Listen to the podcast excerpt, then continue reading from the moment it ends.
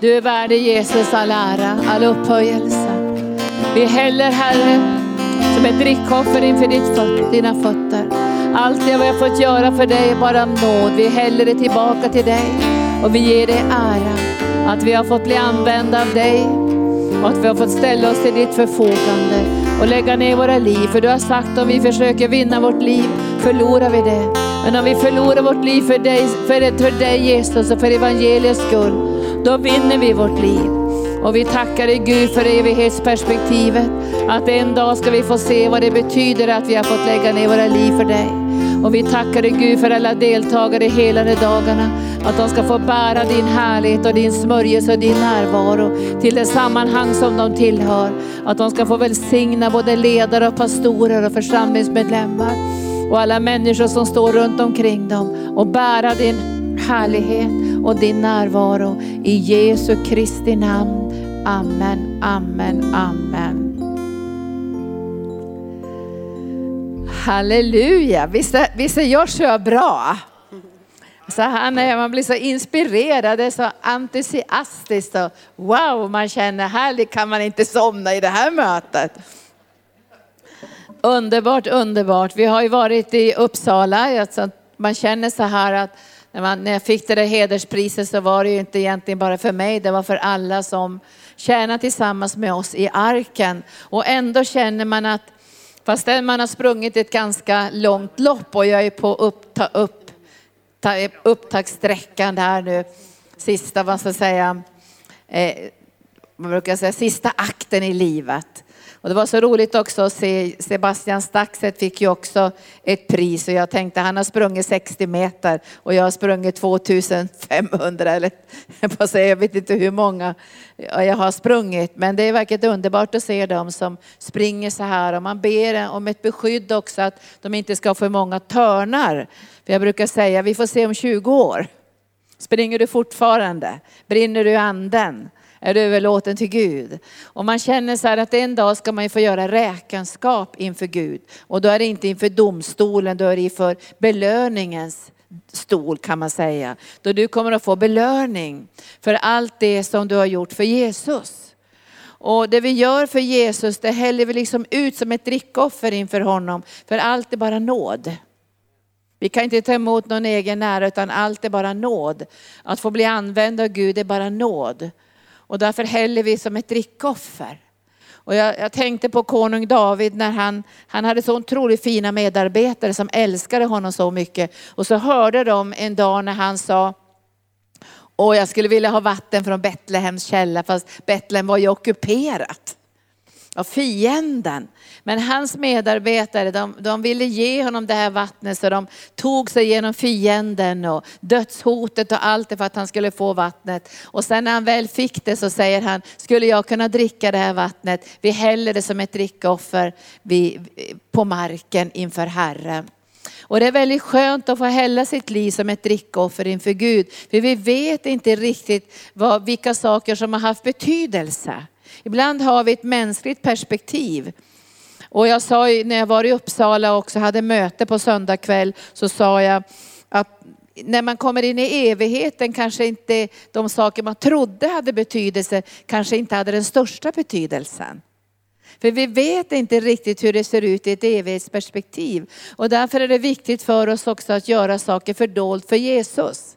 Att inte allt blir för människor utan vi gör det för Jesus. Och då kan vi bevara den här kärlekssmörjelsen. Och även om vi skulle få lite törnar efter vägen så har inte det någon betydelse. Därför vi tjänar inte människor på det sättet för att få hyllningar från människor. Vi tjänar Jesus. Och en dag så kommer vi att få se vad det betydde att du och jag sa ja till Jesus. Att vi lydde honom, precis som du nu lydde med det här brevet. Alltså vad får det för effekt i evigheten. Det ska bli väldigt spännande en dag att få se vad det betydde.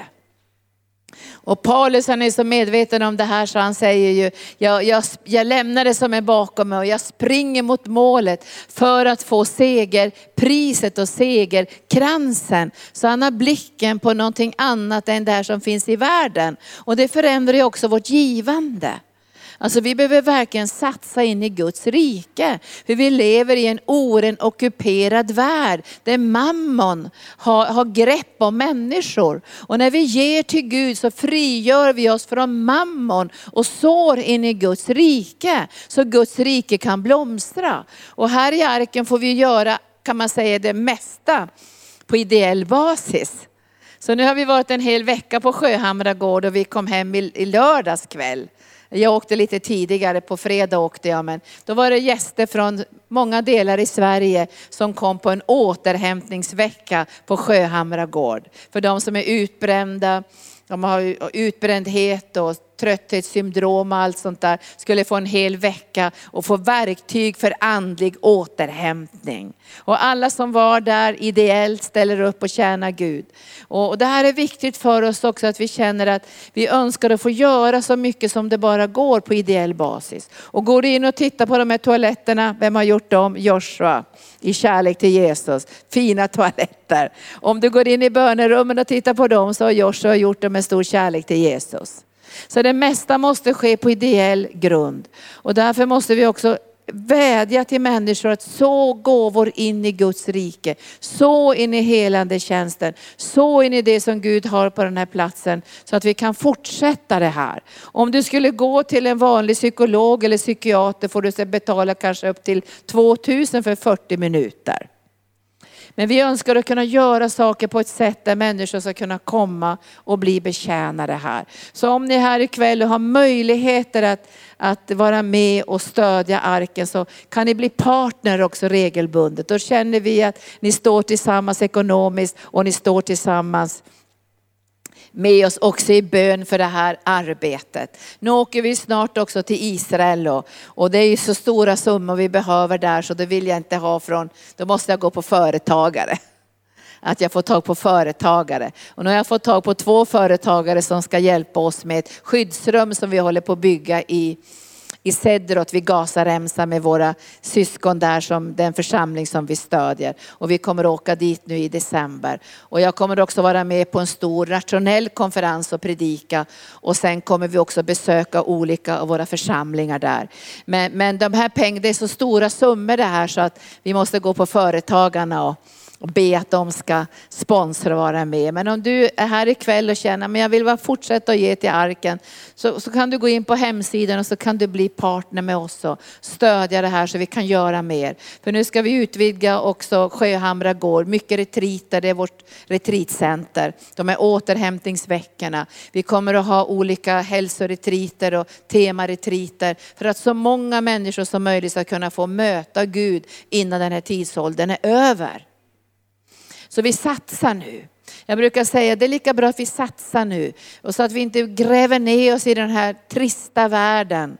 Utan att vi satsar på Guds rike och har Guds rike för våra ögon och våra hjärtan. Och sen vet vi att den är tidsåldern när den är slut för dig och mig och för hela den här världen så kan vi inte ta med oss någonting. Visst är det så?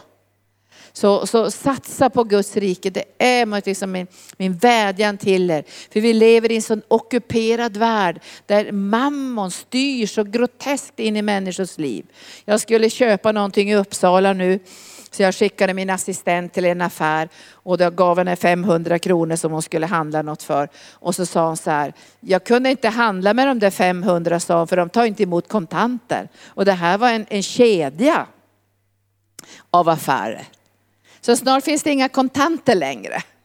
Tänk om de kommer att säga till dig, nu måste ta märket 666, för annars får inte du köpa eller sälja.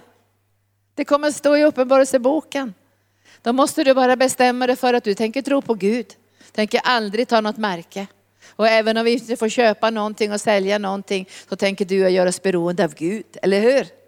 Vi ska göra oss beroende av Gud och vi måste öva oss i vårt givande. Så varje gång jag ger så löser jag mig från mammons makt. Jag tänker inte vara styrd av mammon. Jag tänker inte vara påverkad av mammon. Jag tänker inte vara ledd av mammon. Jag lösgör mig. Och varje gång jag ger tionde till församlingen så lösgör jag mig från mammons makt. För jag säger, det är ditt rike som är nummer ett. Du är nummer ett, du är nummer ett, du är nummer ett. Ditt rike är nummer ett. För det kommer inte finnas några andra fria platser än Guds församling i den här världen snart. Därför det ockuperas av mörkrets makter. Men tack Jesus för att du har gett ikväll och tack Joshua för den härliga inspirationen. Man blir så inspirerad. Man börjar prata som Joshua, man blir så inspirerad.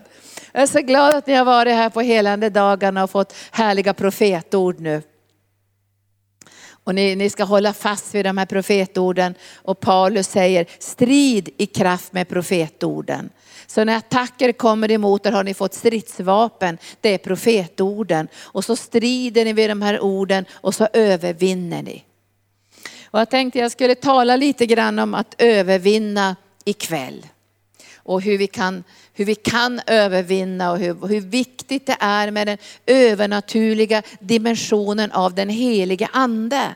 Vi klarar inte det här med naturliga medel bara. Alltså med de naturlig kunskap eller verktyg som vi har på ett naturligt sätt. Vi behöver en övernaturlig smörjelse i den heliga ande. Och då ska jag läsa ifrån andra Korinthierbrevet kapitel 4. Där, där Herren säger så här genom Paulus.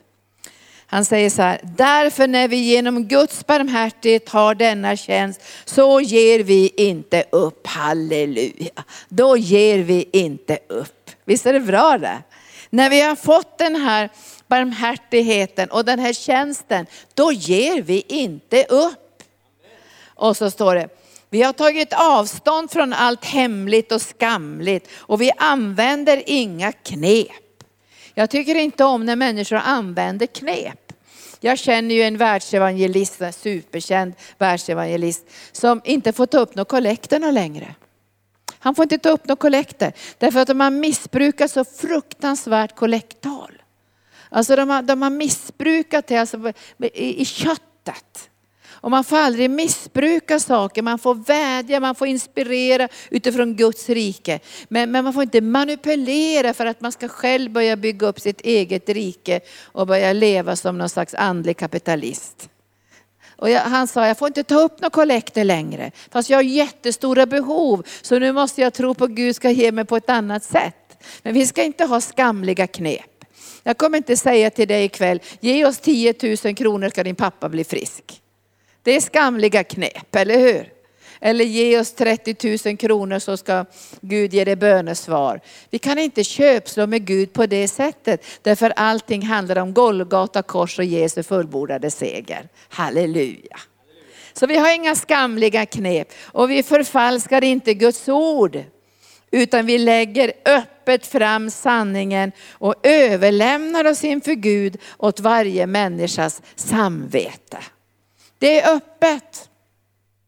Vi överlämnar oss själva till Gud. Och så säger han så här, om vårt evangelium är dolt, så är det dolt för dem som går förlorade. Den är världens Gud har förblindat de otroende sinnen så de ser inte ljuset som strålar från evangeliet om Guds härlighet. De ser inte ljuset som strålar från evangeliet från Kristi härlighet. Evangeliet är Kristi härlighet. Visst är det härligt det? Det är Kristi härlighet. Så evangelium handlar om Jesus och det fullbordade verket på Golgata kors. Och det djävulen gör är att han förblindar människors ögon. För om han inte förblindade människors ögon så skulle varenda en vilja bli frälst. Eller hur? Se vad han har gjort för dem, burit deras sjukdom och deras lidande. Han har burit all synd, han har berett vägen för dem till Guds hjärta. Han har renat dem i blodet. Folk ska ju bara springa i tusental. Men mörkrets makter förblindar människors hjärtan och sinnen så de ser inte. Det är därför som bön är så viktigt i församlingen, att vi ber i anden att den här täckelse ska försvinna. Och det här märker vi i Israel nu, täckelset börjar försvinna. Det börjar försvinna. Och när jag började i Israel 1976 så fanns det nästan inte en kristen där. Idag är det hundratusentals kristna i mängder med messianska församlingar och täckelset håller på att försvinna från, från judarnas ögon och de, de börjar se Messias, de börjar se Jesus, de börjar förstå blodet, de börjar förstå frälsningen och det händer saker i Israel nu som vi är på väg in i den yttersta tiden. Men djävulen förblindar människors ögon och därför måste vi be heliga ande öppna deras ögon så att de ser. Och så säger Paulus så här att att, att han, han, då står så här, han har förblindats och de ser inte ljuset som strålar från evangeliet om Guds Kristi härlighet. Han som är Guds avbild.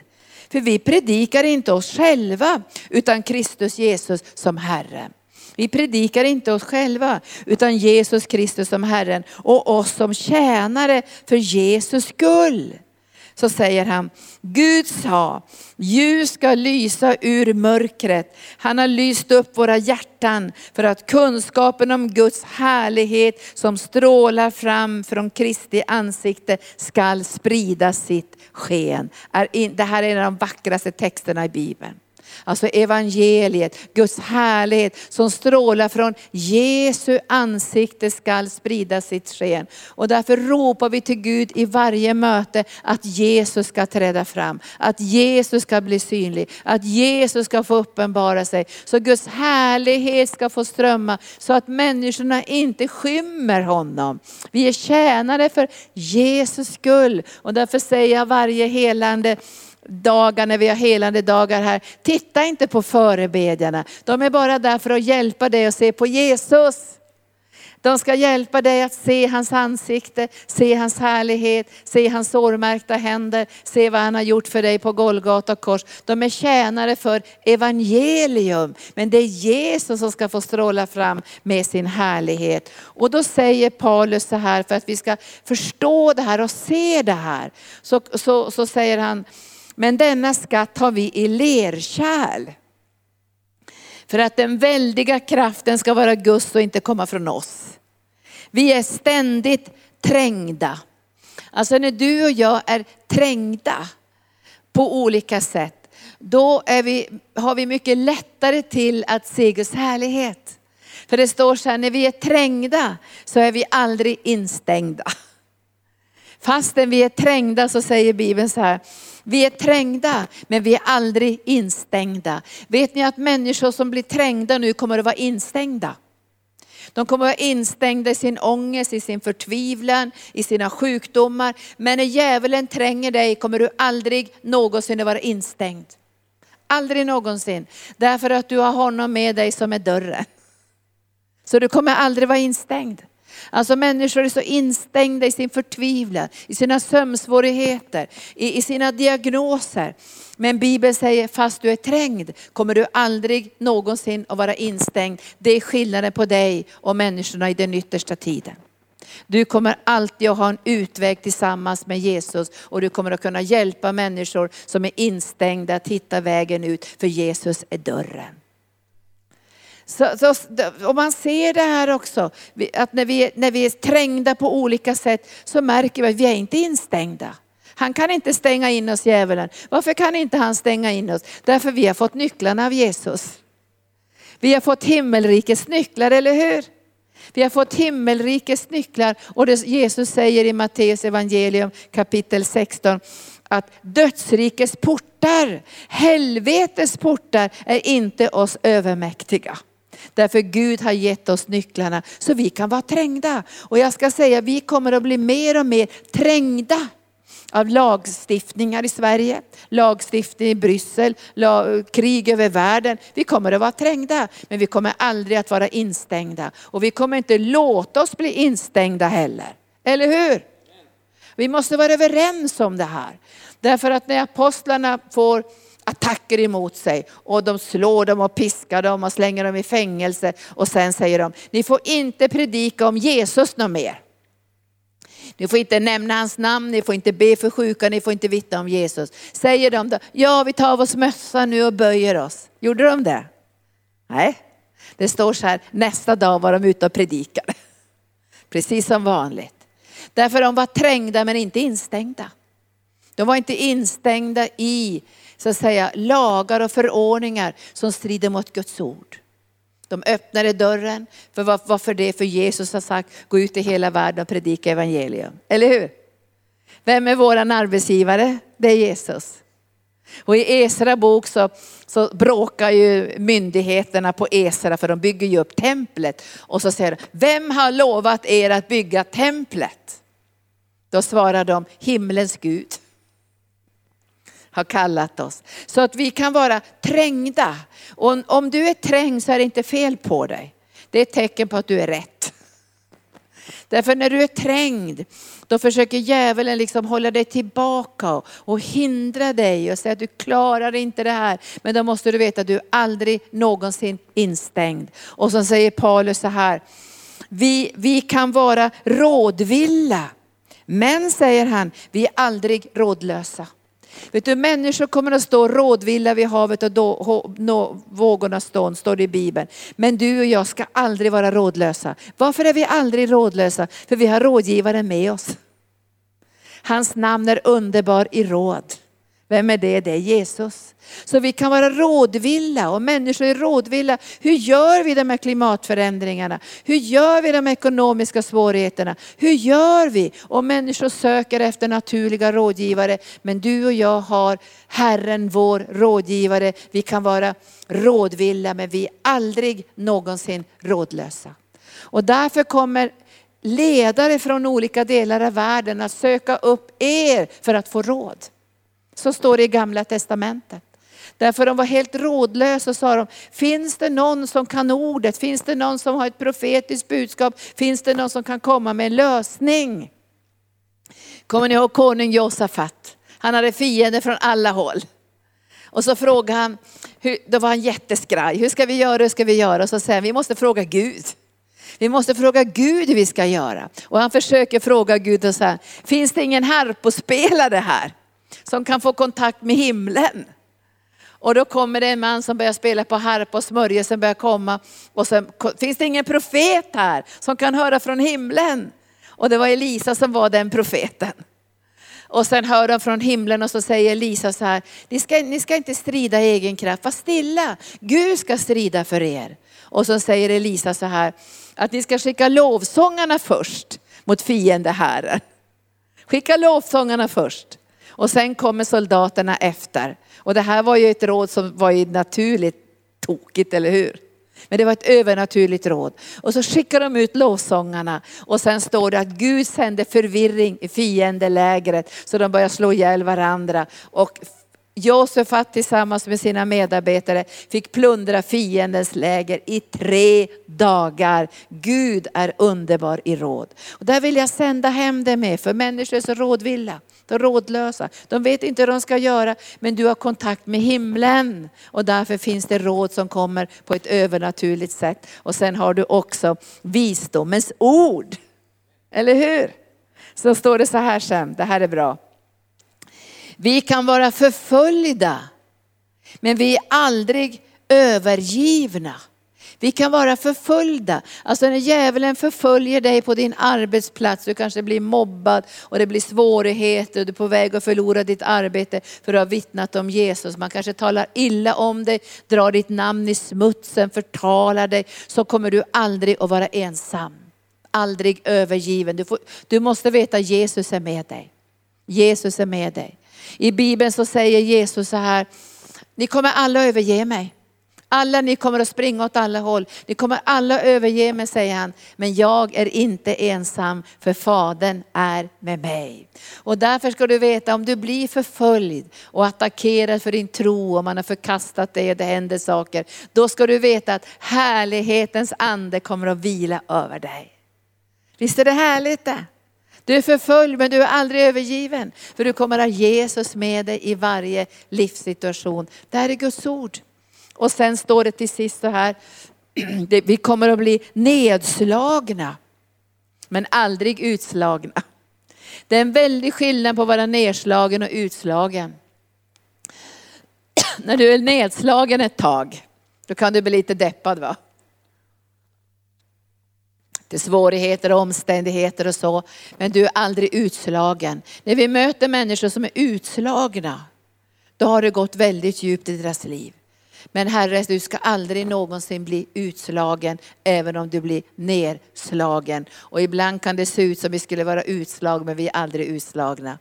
Därför Jesus är med oss och vi kan resa oss upp. Vi kan resa oss upp. Vi kan resa oss upp. Gång på gång på gång kan vi resa oss upp. För vi är inte utslagna.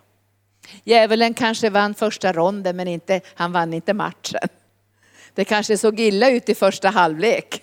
Det var 0-25-0. Men vi tog igen det här på andra halvlek för Gud är med oss. Och så vann vi seger.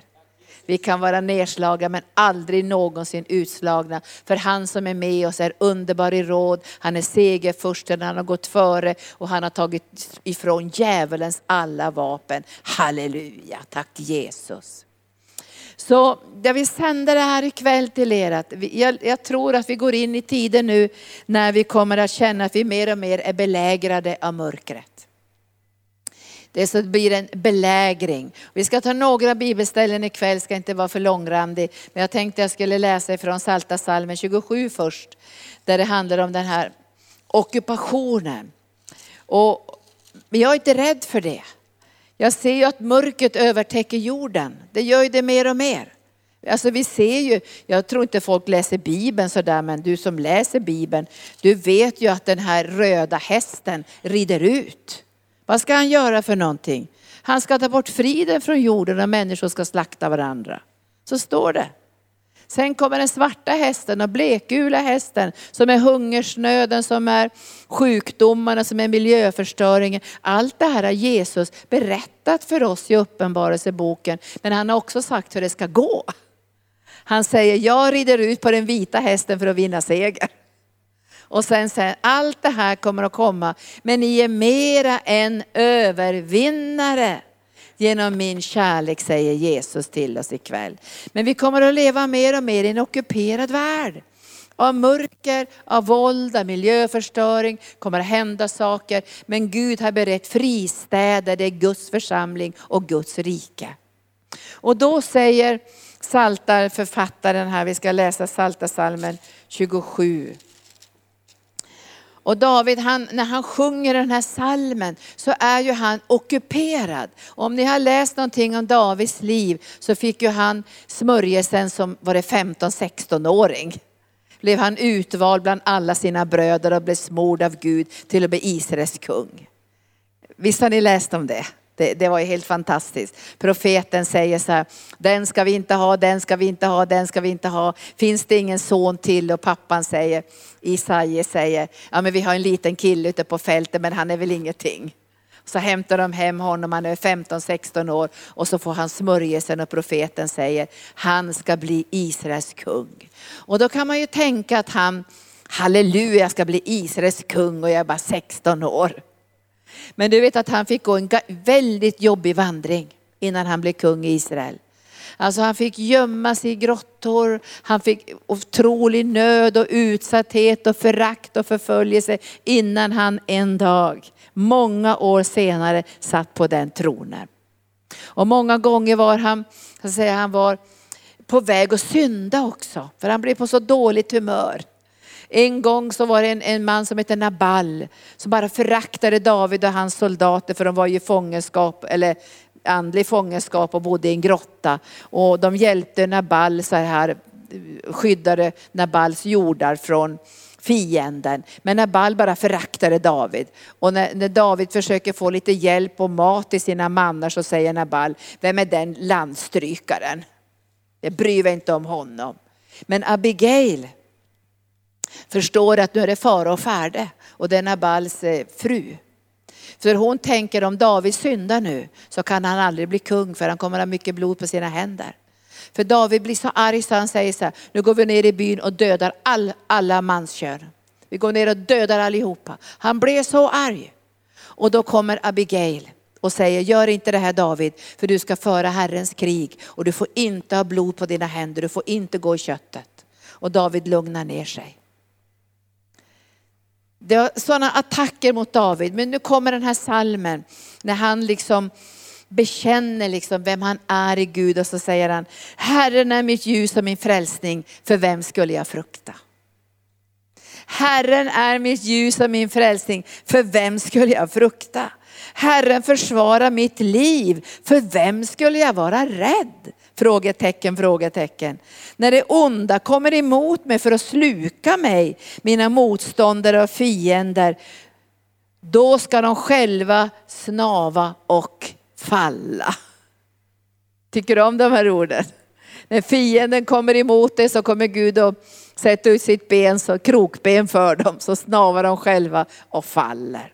Och så säger David så här, om en här lägrar sig emot mig så är inte mitt hjärta fyllt av fruktan, så räds inte mitt hjärta. Om krig bryter ut mot mig så är jag trygg. Alltså det här är en sån överlåtelse, bekännelseord ifrån Davids hjärta. Och sen säger han, jag har bara en enda längtan. Och jag vill lova dig ikväll att när du börjar känna Jesus så kommer allt annat att bara, dess värde kommer bara försvinna. Och Paulus säger, allt är avskräde. Tänk att han säger det. Det som förr var med en vinst, det är bara avskräde. Det är ingenting att ha. Alltså det blir en sån kontrast mellan Guds härlighet och den jordiska skönheten och härligheten. När du har sett Jesus och hans härlighet så blir allt annat, det blir bara skräp. Det blir bara kattguld. Och David, ni vet ju konung David hur de levde de där kungarna. För det första hade de ju mängder med fruar. De levde i palats. De hade krigshärar, de hade tjänare, de hade guld, de hade silver. Och man märker när David ska bygga eh, templet då, ni har läst om det. För Salomo och hans son ska ju bygga templet, men David ska försörja templet. Och han bär fram guld och silver och guld och silver, tonvis med guld och silver. Alltså de här var ju multimiljardärer. Och samtidigt säger David så här, det där har ingen makt med mig längre. Det betyder ingenting. För ett har jag begärt av Herren. Ett har jag begärt av Herren. Alltså det här är så starkt som man känner, gode Gud lär oss det här. Han säger, ett har jag begärt av Herren, detta söker jag. Ett har jag begärt av Herren och jag söker efter det, att jag ska få bo i Herrens hus i alla mina livsdagar och få se Herrens ljuvlighet och söka honom i hans tempel. Vilken längtan! När den längtan kommer bland Guds folk så kommer de inte springa på bio stup i kvarten. De kommer inte gå på krogen stup i kvarten. De kanske inte ens kommer sitta på vårdcentralen stup i kvarten. De kanske kommer att sitta i Guds tempel för att söka Herren och se Herrens härlighet för att få sin hjälp från Herren. Vi kommer inte att se teaterna fulla med människor. Vi kommer inte att se alla köpcenter smockfulla med människor som går på rea. Ibland tänker jag så här, man åker förbi ett köpcenter, så här, tjockt med bilar. Man tänker, ja men gå en eller två gånger på ett köpcenter, men att vara där så ofta som människor är där, det kan jag inte fatta. Ett har jag begärt av Herren. Det händer någonting i våra hjärtan. Ett har jag begärt av Herren. Det här söker jag efter. Jag vill se Herrens ljuvlighet. Jag vill vara i hans tempel. Visst vill ni ha det? Alltså det här är något som vi bara längtar efter. Att allt det här andra, det, det har ingen, som ingen betydelse längre. Man ber knappt om det. Så Åh gode Gud ge mig en bil. Jag tror inte jag ber inte ens om något sånt. Utan jag tycker att mina böner lägger sig på ett helt annat plan. Jag ber, jag vill ha hedningar till arvedel. Jag vill se projekten över världen blomstra. Jag vill se församlingen växa. Det, det här andra liksom, det tror jag mera tillfaller mig. Vad har jag för bibelställe nu? Matteus evangelium, sök först Guds rike, hans rättfärdighet, så tillfaller allt det andra dig. Det kommer till dig som en gåva. Nu fick jag en bil för några veckor sedan, eller i somras var det väl, sensommaren. Den här lilla bilen med vitt tak. Den har jag fått. Men jag tror faktiskt på, mina, på Guds ord. Sök först Guds rike, hans rike kommer först, så ska allt det andra tillfalla dig. Det är klart vi behöver bedja om saker in i vårt eget liv, men du kommer att märka att dina böneämnen förändras. Det går bort ifrån det där jag, mitt, jag, mitt och så Gud vad har du på ditt hjärta? Vad längtar du efter? Vad vill du se för någonting? Vad har du Gud för, för, för tankar om det här? Och så börjar dina böneämnen bli i linje med någonting som är större än det privata andliga livet. Och det är det här som jag tror David söker efter. Och han vill ju bygga templet åt Herren. Men då säger Herren till honom, du får inte bygga templet för du har fått för mycket blod på dina händer. Du har varit för kötslig. Så du kan inte få bygga templet. Utan vi måste låta din son Salomo, som ännu är ung och inte har hunnit börja synda, få bygga templet. Men vi vet om att Salomo vek också av från Gud. och tappade sitt hjärta på kultväg. Så att man måste fortsätta att be det här, eller hur? Ett har jag begärt av Herren, ett har jag begärt av Herren, ett har jag begärt av Herren. Och så säger han så här i femte versen, tack Jesus. Han gömmer mig i sin hydda på olyckans dag. Han beskyddar mig i sitt tält. Hans tält är väldigt bra. Han för mig upp på klippan.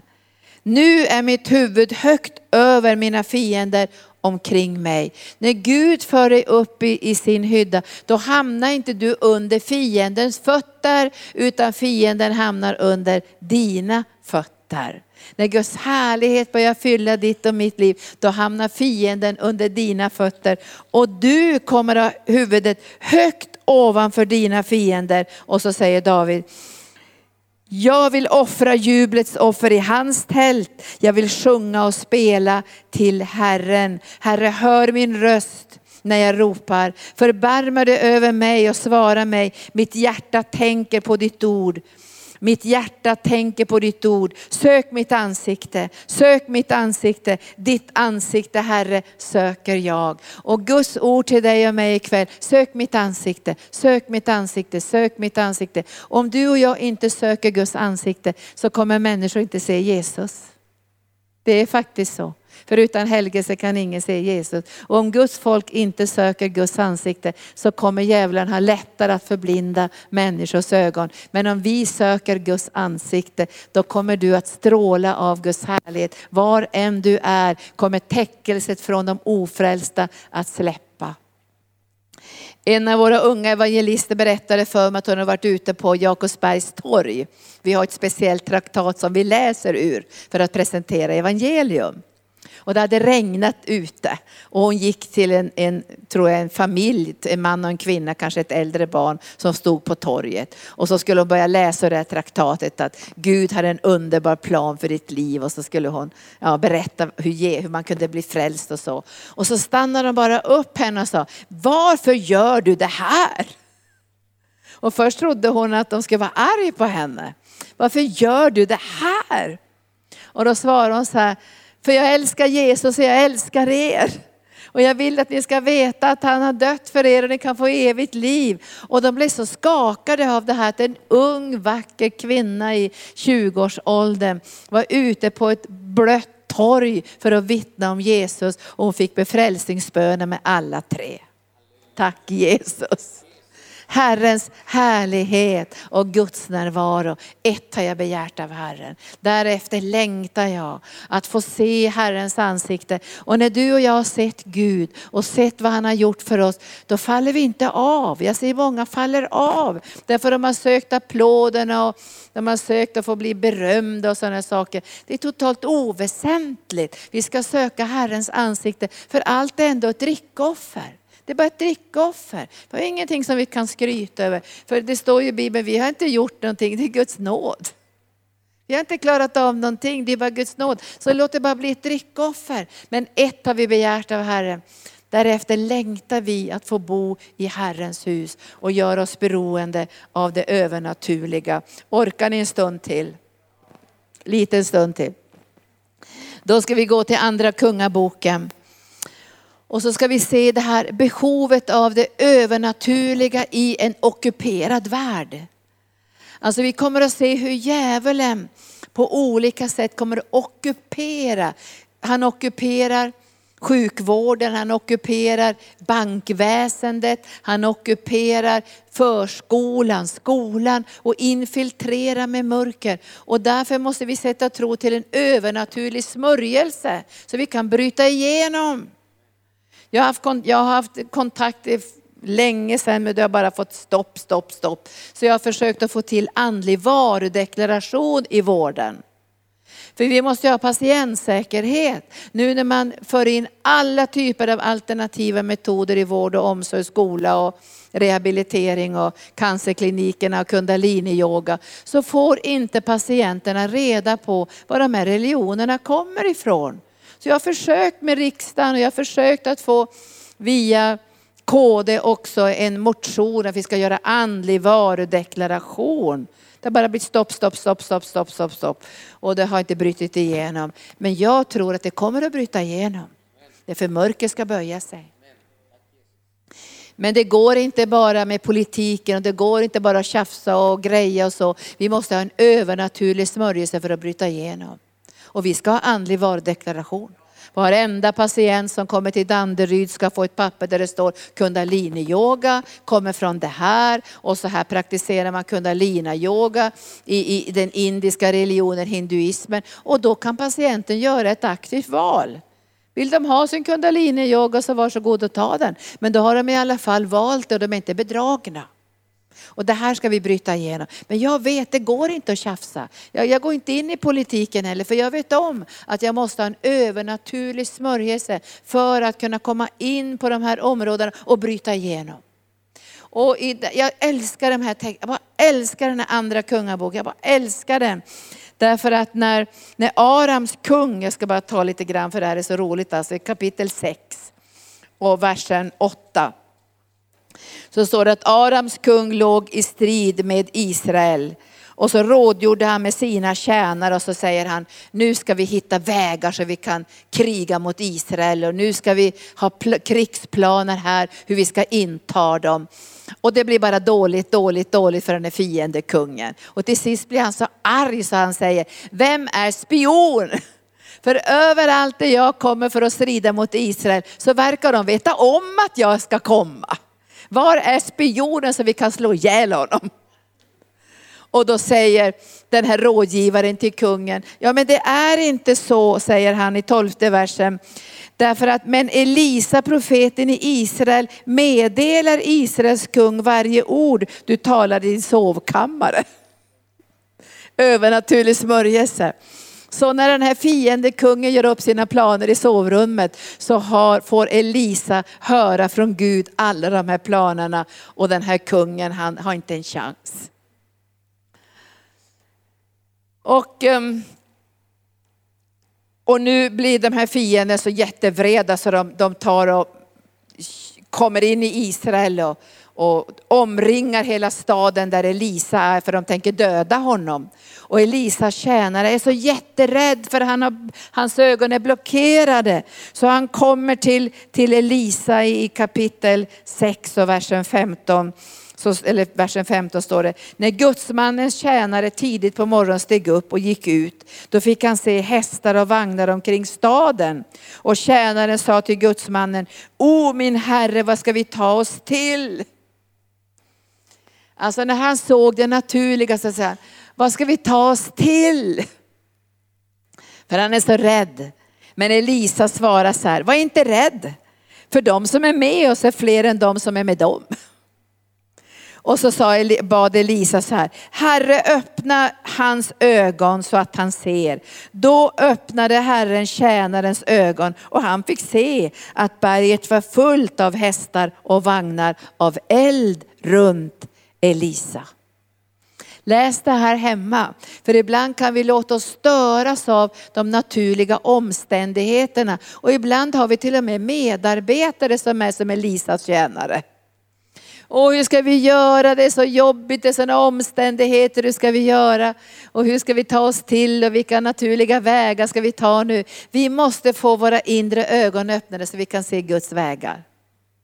Och det här är en utmaning bland alla äldste och hemgruppsledare och alla medarbetare att inte låta sig styras av omständigheterna men att få sina ögon öppnade för att kunna se in i den andliga världen. Eller vad säger ni? Visst är det bra det? För annars hindras vi. Och nu tänker djävulen så här, nu ska jag ockupera dem ordentligt så att de svälter ihjäl. Så de började ockupera Samarien. Och det blev en sån hungersnöd inne i Samarien så de till och med åt upp sina barn.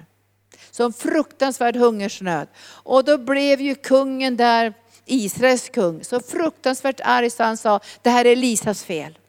Det är Lisas fel. Han har dragit på oss allt det här. Det är han som har dragit på oss den här fienden. Det är Lisas fel. Vi går och slår ihjäl Elisa. Nu är det tufft. Men Elisa har en profetisk smörjelse. Så när kungen kommer så säger Elisa så här. Så ser han i anden, så säger han så här. Det, det är så starkt när han säger så här i sjunde kapitlet, versen 1 så säger han, hör Herrens ord, så säger Herren, imorgon Vid den här tiden ska man i Samariens port få en seamått fint mjöl för en sikel och två seamått korn för en sikel. Alltså det var det var ungefär som att få köpa mjöl för fem öre. Därför under den här ockupationen så kostade ett åsnehuvud tio sekler silver och en fjärdedels kab duvspillning fem siklar silver. Alltså det var en sån nöd. Och nu säger Elisa, nu kommer det att kosta nästan ingenting. Det kommer nästan bli gratis det här. Och då blir de ju jättearga.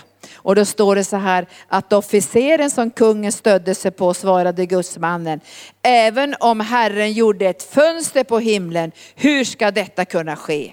Men Elisa sa, du ska få se det med egna ögon, men själv ska du inte få äta av det. Du ska få se det med egna ögon. Profetorden. När du och jag ser Herrens ansikte får vi profetorden. Alltså då kan du börja tala ut saker som fullständigt omöjliga. Alltså du kan, mitt i sjukdom kan du säga genom Jesus sår är jag helad. Mitt i svåra omständigheter kan du trampa till och säga det här ligger under mina fötter. Alltså då blir folk bara arga. Och då sa det här kommer väl aldrig att gå, det här kommer väl aldrig att bli till. Nej men det här måste bli till på ett andligt sätt. Det måste kallas på, det måste proklameras, det måste synliggöras i anden. Och det här kan inte bli till om inte du och jag ser Jesus. Då blir det här bara jobbigt, eller hur? Men när vi har sett Jesus då vet vi att, att himlens fönster är öppet. Det visste inte kungen. Himlens fönster är redan öppet. Och då tänker man, hur ska det här gå till nu? Alltså vem ska Gud använda för att det ska bli en lösning? Och då tycker jag att den här texten är så rolig så jag tänkte vem som helst kan bli an använd. Där sitter det några spetälska män, fyra stycken utanför stadsporten. De vet inte ännu vad Elisa har sagt för någonting att det ska öppnas ett fönster och det ska flöda allt vad de ska få. Det vet ju inte de här spetälska. Men de sitter där utanför stadsporten och så bestämmer Gud att han tänker använda dem som sina kanaler. Visst är det fantastiskt det? Profetorden löses ut i andevärlden. Och då tänker man, ja men nu är det utlösare i andevärlden. Nej det är inte klart än, Gud måste använda de spetälska också. Alltså några som kanske inte världen tycker är någonting eller som världen har föraktat eller några som, vem kan det bli med dem där? Så jag tycker det är så fantastiskt, Gud utväljer de här som ingenting är. Därför att när Lisa har talat ut profetorden så är det bara steg ett. Nu måste steg två till, att några bär ut budskapet. Och de här spetälska de, de känner ju bara en ledning från Gud, så här, de vet ju inte vad de håller på med ens. Så de säger så här, om vi sitter här så dör vi och går vi in i stan så dör vi. Nej men nu tar vi ett steg säger de och så går vi in i fiendens läger. Är de klok i huvudet? Alltså gå in i fiendens läger. Fyra spetälska tänker gå in i, spe, i fiendens läger och börja äta sig mätta där och få fina kläder där. Jag menar det här är ju övertro, eller hur? Jag menar de måste ju, det måste ju bara vara att de har blivit snurriga av smörjelsen eller någonting. För hur ska de kunna gå in i fiendens läger och övervinna fienden? Fyra spetälska. Men när de börjar gå så händer det någonting, du kan läsa det här. Gud sätter på högtalaranläggningen i himlen. Det bara dåna står det. Så när fienden hör stegen av fyra spetälska så tror de att en jätte här på väg in mot fiendens läger. Och jag ska säga det, precis det kommer att hända i ditt och mitt liv. Men det händer inte utan det profetiska. Det profetiska måste ut först i anden för att människor i sin svaghet ska kunna gensvara. Därför vi tänker ofta profetorden ska ut och sen ska någon superevangelist gå ut i tro. Nej, utan när profetorden har kommit ut så väljer Gud ut några som inte kan ta äran. För det, det, du får ingen ära. Jag satt och tänkte så här, men i lördag skulle jag inte få lite ära, men jag fick ingen ära. Det var Jesus som fick äran. Jag var bland de spetälska, om man säger så. Och det var Guds högtalaranläggning som slog till. De bara stapplade fram där i sin svaghet och begränsning. Och så tänkte Gud, halleluja, de här kommer inte ta någon ära. Men de har tro i alla fall. Tänk att stappla in i fiendens läger. Ja, vi tänker övervinna er och hämta mat här. Men Gud satte på högtalaranläggningen och fienden lyssnade. Vad är det här? Tusen härar kommer. Var kommer de ifrån? Och de sprang hals över huvud och lämnade allt. De lämnade allt i sitt läger och när de kom fram till det här lägret haltande och danna, de hörde ju inte det där från himlen för ibland hörs inte det. Men det finns där. Det måste du också veta att ibland dånar det inte så att du tänker, åh nu är det änglakör, vad frimodig jag är. Ibland får du bara stappla i din svaghet. För att du vet samtidigt, Gud är med mig, Gud är med mig. Jag kan vara, jag kan vara trängd men aldrig ensam, aldrig instängd. Jag kan vara rådvill men aldrig rådlös. Därför Gud är med mig. Ni kan ju tänka själv när de gick där på sina sargade fötter. Har ni sett spetälska? Vi, vi brukar jobba ibland i spetälskeläger i Indien. De har ju nästan inga fötter och händer. Därför det har bara ruttnat bort på grund av spetälskan. Så de här stapplade kanske helt sargade fötter och så slog Gud på högtalaranläggningen och så kom de in i lägret. Var är alla fiender någonstans? De hade flytt. Så de åt sig mätta, de tog kläder, de, gjorde all, de tog allt vad de ville och de grävde ner för egen del. Och sen säger de så här, så säger de så här, om vi tiger nu och väntar till imorgon så drar vi skuld över oss. Kom låt oss gå in och berätta det här för kungen. Och då går de in i Samarien och säger, fienden har flytt och hela staden rusar. Så när kungen ställer sig vid dörren, alltså porten, så trampas han ner. Därför otron kommer alltid att trampas ner när tron får sitt fäste i våra hjärtan. Och det här gillar jag. Därför när otron trampas ner. Därför att tron har sitt fäste inte i att du och jag är duktiga. Det har sitt fäste i segern på Golgata kors. Och när vi talar ut profetorden, talar ut vad Gud har gjort för oss genom Jesus, himlen är öppen, vägen är öppen, fienden har fått böja sina knän. Då är inte vi beroende längre av vara med duktiga businessfolket eller jätteduktiga välutbildade. Även om det är jättebra att vi är det, så kommer vi ändå säga den här utbildningen är som avskräd i jämförelse med att lära känna Jesus. Det här som jag har lärt mig på världens universitet i jämförelse med Jesus Kristus har det ingen betydelse i mitt liv för att lära känna Kristus. Det är allt för mig. Vi föraktar inte utbildningar, men i jämförelse så säger Paulus, allt det här andra, det är bara skräp. Om jag jämför det, att bli vunnen i Jesus Kristus och bli funnen i honom, inte med min egen rättfärdighet utan med hans rättfärdighet. Och folket bara springer genom porten för att gå in i fiendens läger. Och det här kommer att ske. Jag avslutar med att säga att det här ska komma att ske förstår ni. Därför att otron i våra liv kommer att trampas ner. Och otron i våra församlingar kommer att trampas, trampas ner. För vi har sett Jesus. Vi har sett Jesus och vi har profetorden. Imorgon, imorgon säger han, imorgon kommer det här att ske. Det här är gamla testamentet. Men du och jag kan säga, det har skett redan. Vi säger inte imorgon, vi säger det har skett redan. Det här är gamla testamentet. Men du och jag kan säga, det har skett redan vänner. Himlen är redan öppen, vägen är öppen till Gud, blodet är utgjutet. Han har välsignat oss med all välsignelse i Jesus Kristus. Vi behöver inte säga imorgon, vi kan säga idag är förlossningens och, och ska säga, nådens dag. Idag är allting fullbordat. Dörren är öppen. Och vi, vi, ska bara be det här att vi ska få bort den här otron. För vi kommer inte klara det här utan det profetiska.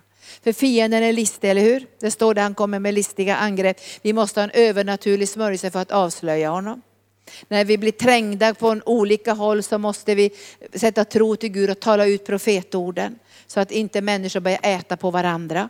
Vi märker ju det ibland när det blir attacker i församlingen så börjar folk att äta på varandra. Det betyder att de kritiserar och bråkar och, och, och går på naturlig väg istället för att söka Guds andes vägledning och stå Satan emot så att han ska fly ifrån oss. Men profeten Elisa, han har de här profetorden, då talar han ut dem utan fruktan. Och så får Gud tag på de här människorna. Och jag vill gärna vara bland de här människorna som får vara en kanal för profetorden. Som får gensvara till Gud och gå med frimodighet i fiendens läger och ta tillbaka allt vad han har stulit. Och varför kan vi vara så frimodiga då? Jo, därför att Jesus har gått in i den starkes hus och bundit honom. Därför kan du och jag gå in i den starkes hus och ta tillbaka vad han har tagit. Vi kan Bibeln, eller hur? Och Jesus går in i den starkes hus och så står det, han, han tog allt som han ägde. Men den starkes vakter hade inte makt mot Jesus. Och han skiftade byte står det. Och det byte som den här mannen fick då som Jesus hjälpte, han var både besatt och stum och han fick fullständig hälsa.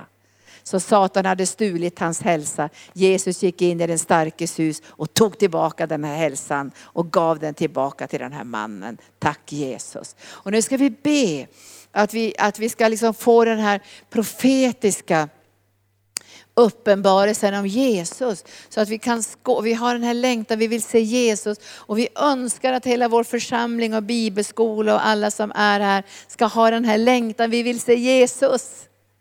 För att om vi vill se Jesus så kommer vi att få se många andra saker också. Helandet och befrielsen. Och är du här nu som ännu inte är frälst så är det bara ett andetag från frälsning.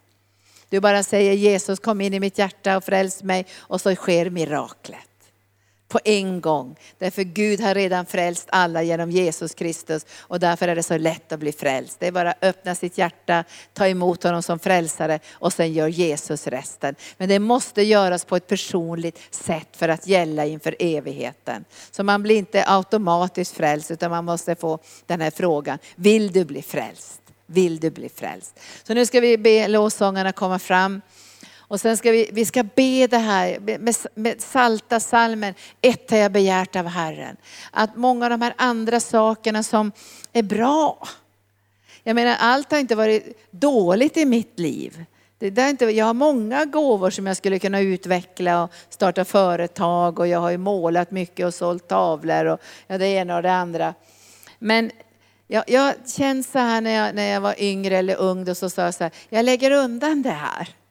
För Jesus skull. För att kunna fokusera på evangelium. Så, och det, det, all, många saker distraherar, vi kan ju ha någon liten sidoverksamhet också.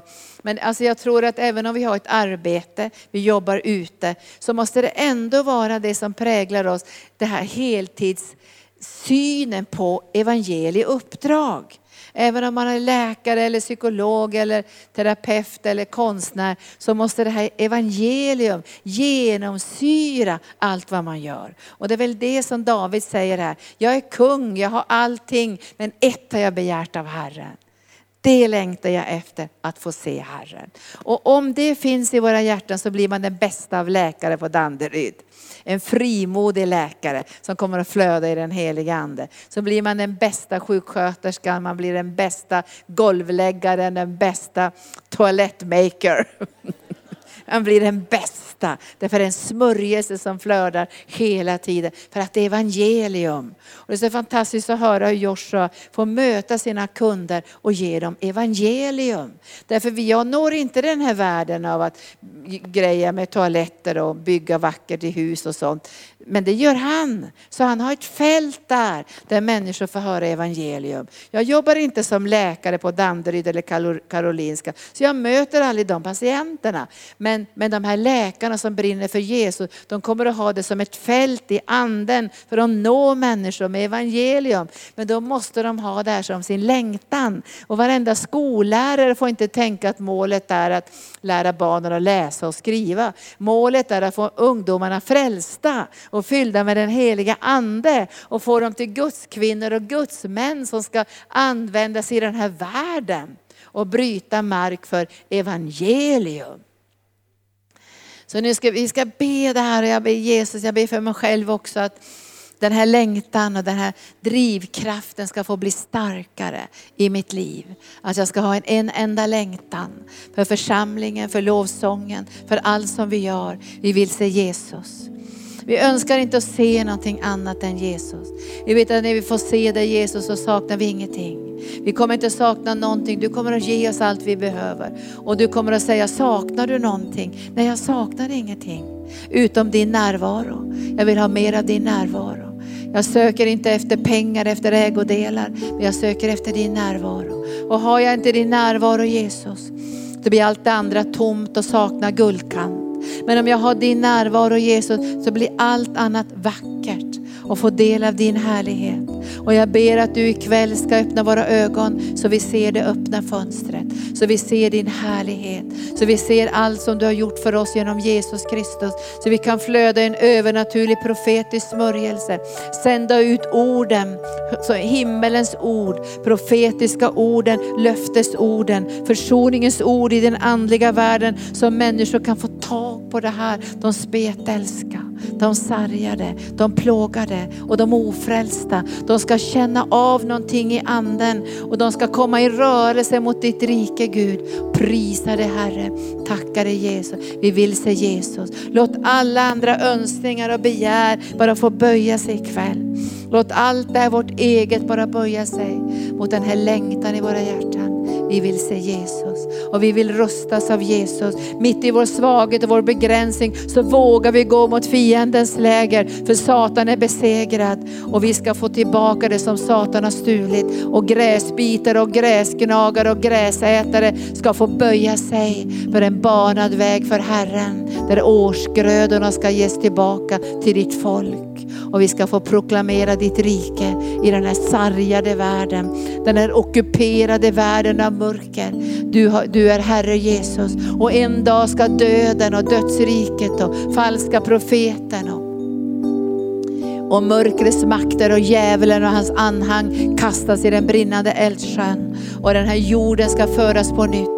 Men du vill Herre att den här jorden ska uppfyllas av lovsång. Den här jorden ska uppfyllas av din härlighet. Den här, den här härligheten ska nå in i alla världar. Den ska gå in i skolvärlden, i businessvärlden, in i storköksvärlden, restaurangvärlden. Överallt ska din härlighet bryta fram. Men du måste ha några redskap och vi säger ikväll använd oss Gud. Vi känner oss ibland som de är svaga spetälska. Att vi inte har någonting i det naturliga, men vi har dig och våra lerkärl är öppna för din härlighet. Så jag ber ikväll att mina syskon som är här på helande dagarna ska få se din härlighet och rustas av din ande för att våga vara dina kanaler.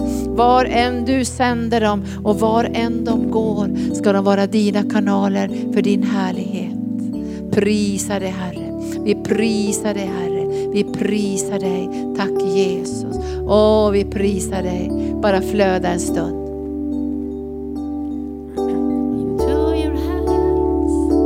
Ett har vi begärt. Ett har vi begärt. Åh, vi har begärt det här. Och vi älskar dig Jesus. Åh, vi älskar dig. Ge oss profetisk smörjelse.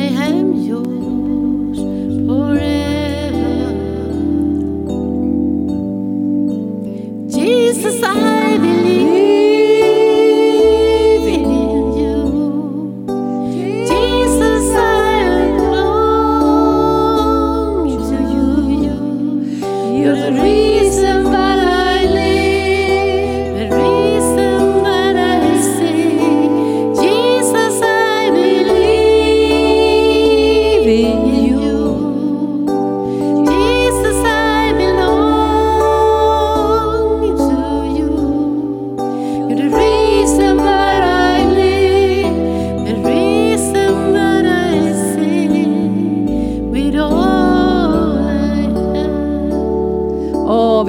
dig Jesus. Vi älskar dig, vi älskar dig.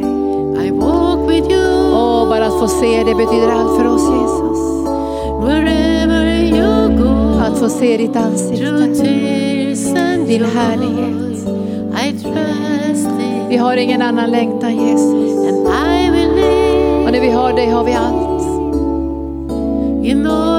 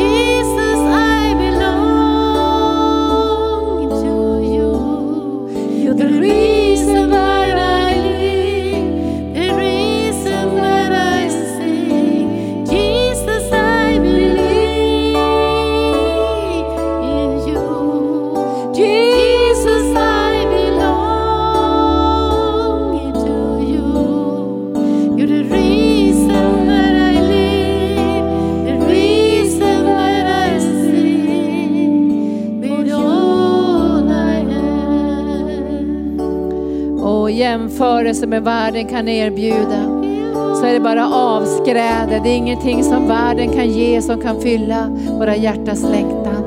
Och det är därför som Jesus avvisar världen. Avvisar djävulens försök att fånga honom i världens lockelser. Och han säger det är bara Fadern som ska tillbedjas. Och det är bara Fadern som jag ska tjäna.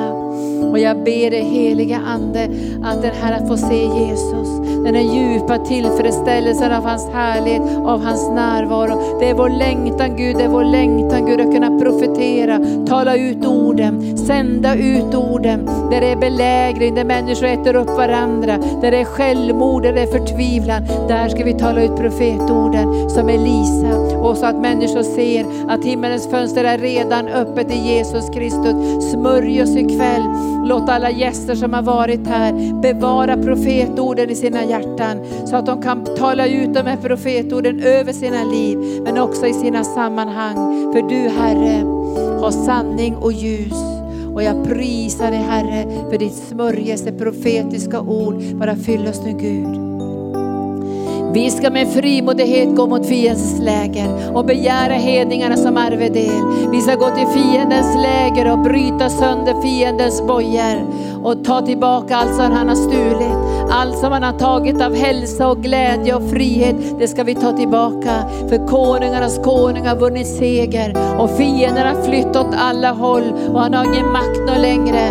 För du har gett till din församling vapnena, du har gett nycklarna till himlen. Så det som är löst på jorden är löst i himlen och det som är bundet på jorden är bundet i himlen. Så kom nu heliga Ande bara fyll oss med sån djup tacksamhet idag och en sån glädje över att vi får tjäna dig. Kom heliga Ande, kom heliga Ande, kom heliga Ande.